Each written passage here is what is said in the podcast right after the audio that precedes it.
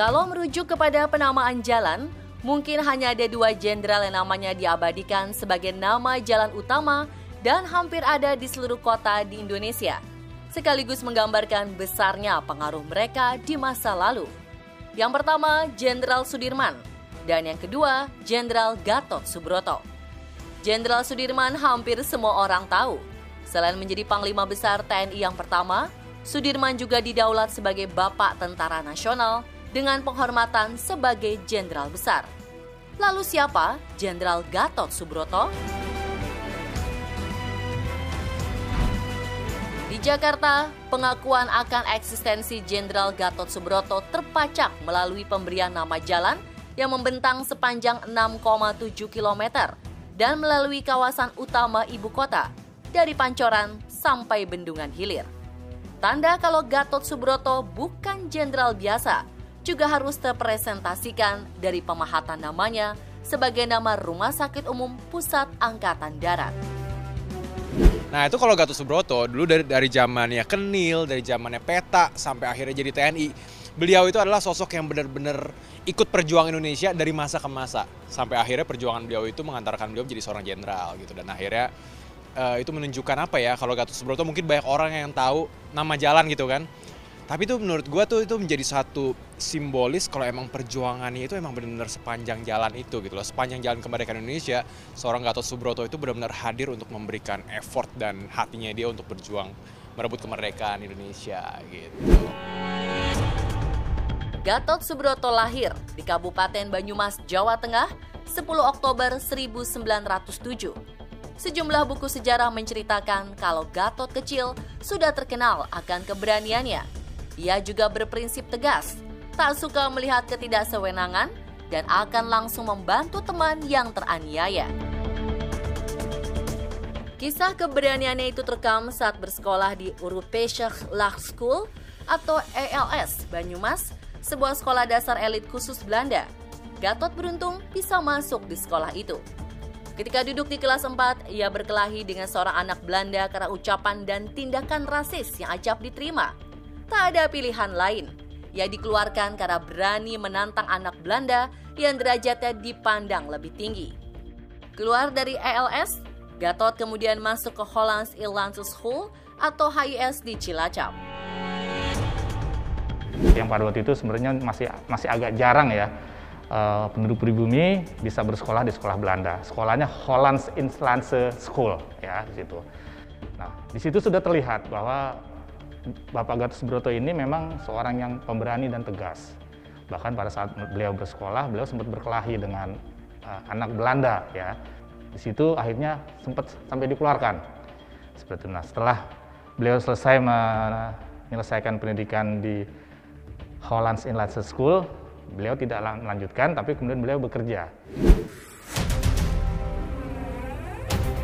Tamat dari HIS, anak seorang wedana ini memilih bekerja sebagai pegawai.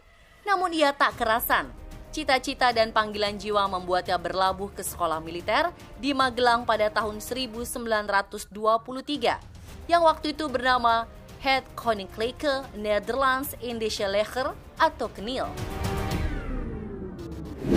Beliau bergabung dengan tentara pembentukan pemerintahan Hindia Belanda, Kenil, Koninklijk Nederland Indische Leger. Ya.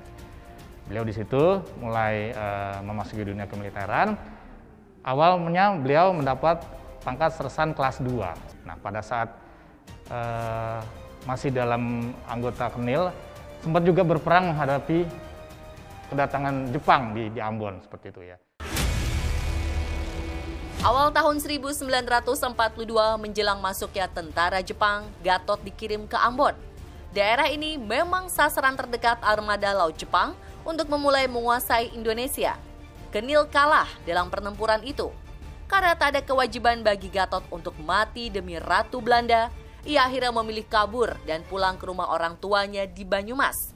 Pengabdiannya sebagai serdadu Kenil berakhir. Fase kedua karir militernya adalah saat bergabung dengan pendidikan militer peta atau pembela tanah air. Pasukan ini dibentuk Jepang untuk membantu mereka dalam perang Asia Timur. Keberanian dan kejeniusan Gatot kembali terlihat. Dalam waktu singkat, ia diangkat menjadi komandan peleton hingga batalion. Di Ambon, namun memang kita ketahui bahwa Belanda akhirnya berhasil dikalahkan oleh Jepang. Ya, nah setelah Jepang masuk, beliau tergabung ikut tergabung dengan peta tentara yang dibentuk oleh Jepang sebenarnya untuk memperkuat posisi Jepang yang ada di di wilayah Indonesia ini ya seperti itu. Setelah uh, Indonesia merdeka, beliau bergabung dengan TKR, Tentara Keamanan Rakyat yang nantinya cikal bakal menjadi TNI seperti itu ya. Karir beliau semakin mena menanjak. Beliau sempat diangkat juga menjadi komandan kompi, komandan batalion di daerah Banyumas. Nah, setelah menjadi TKR, beliau kemudian menjadi komandan divisi 2, wilayahnya Surakarta dan Semarang.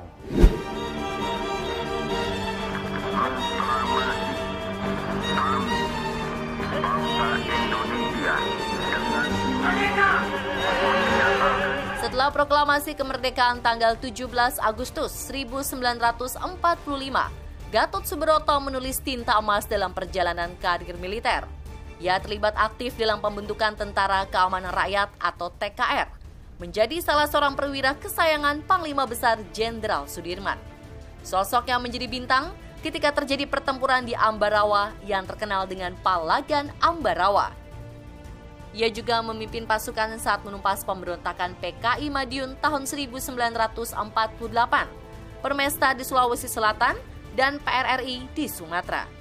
Kurun 1945 hingga 1950, Gatot dipercaya mengemban beberapa jabatan penting, dari Panglima Korps Polisi Militer, Panglima Divisi 2, hingga Gubernur Militer dari daerah Surakarta. Semuanya dijalankan dengan sukses. Keberhasilannya kemudian membuat Presiden Soekarno menunjuk sebagai Panglima Tentara dan Teritorium 4 di Ponorogo.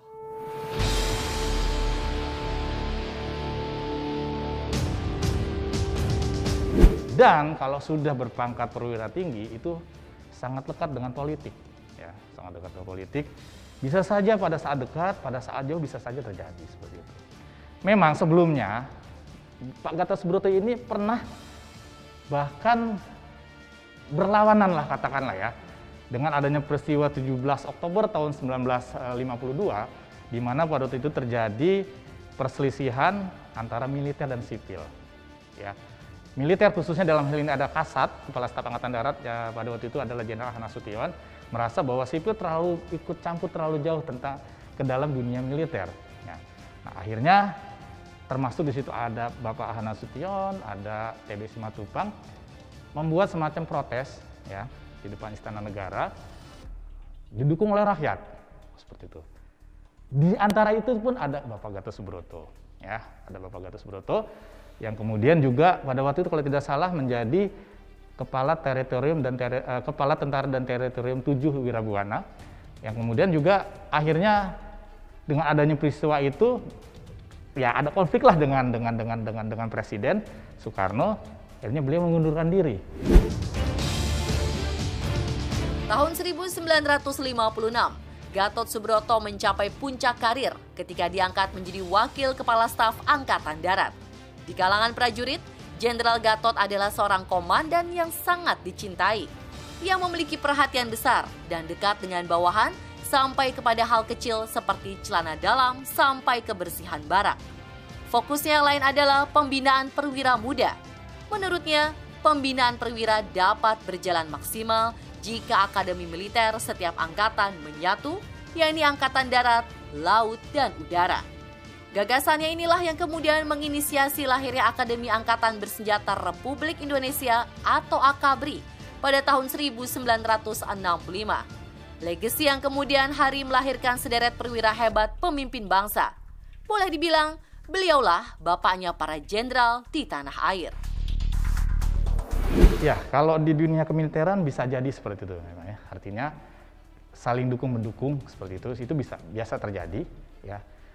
Uh, mungkin ada perwira-perwira lain atau anggota eh, tentara yang lain yang kemudian atas uh, pengaruh atau mungkin uh, kebaikan-kebaikan dari Pak Gatot Subroto menyebabkan karir-karir dari perwira-perwira yang lain itu meningkat gitu ya. Salah satu fragmen sejarah menulis kalau cemerlangnya karir militer Soeharto dan berujung menjadi Presiden RI kedua tak lepas dari jasa dan budi baik Jenderal Gatsu, akronim nama beliau.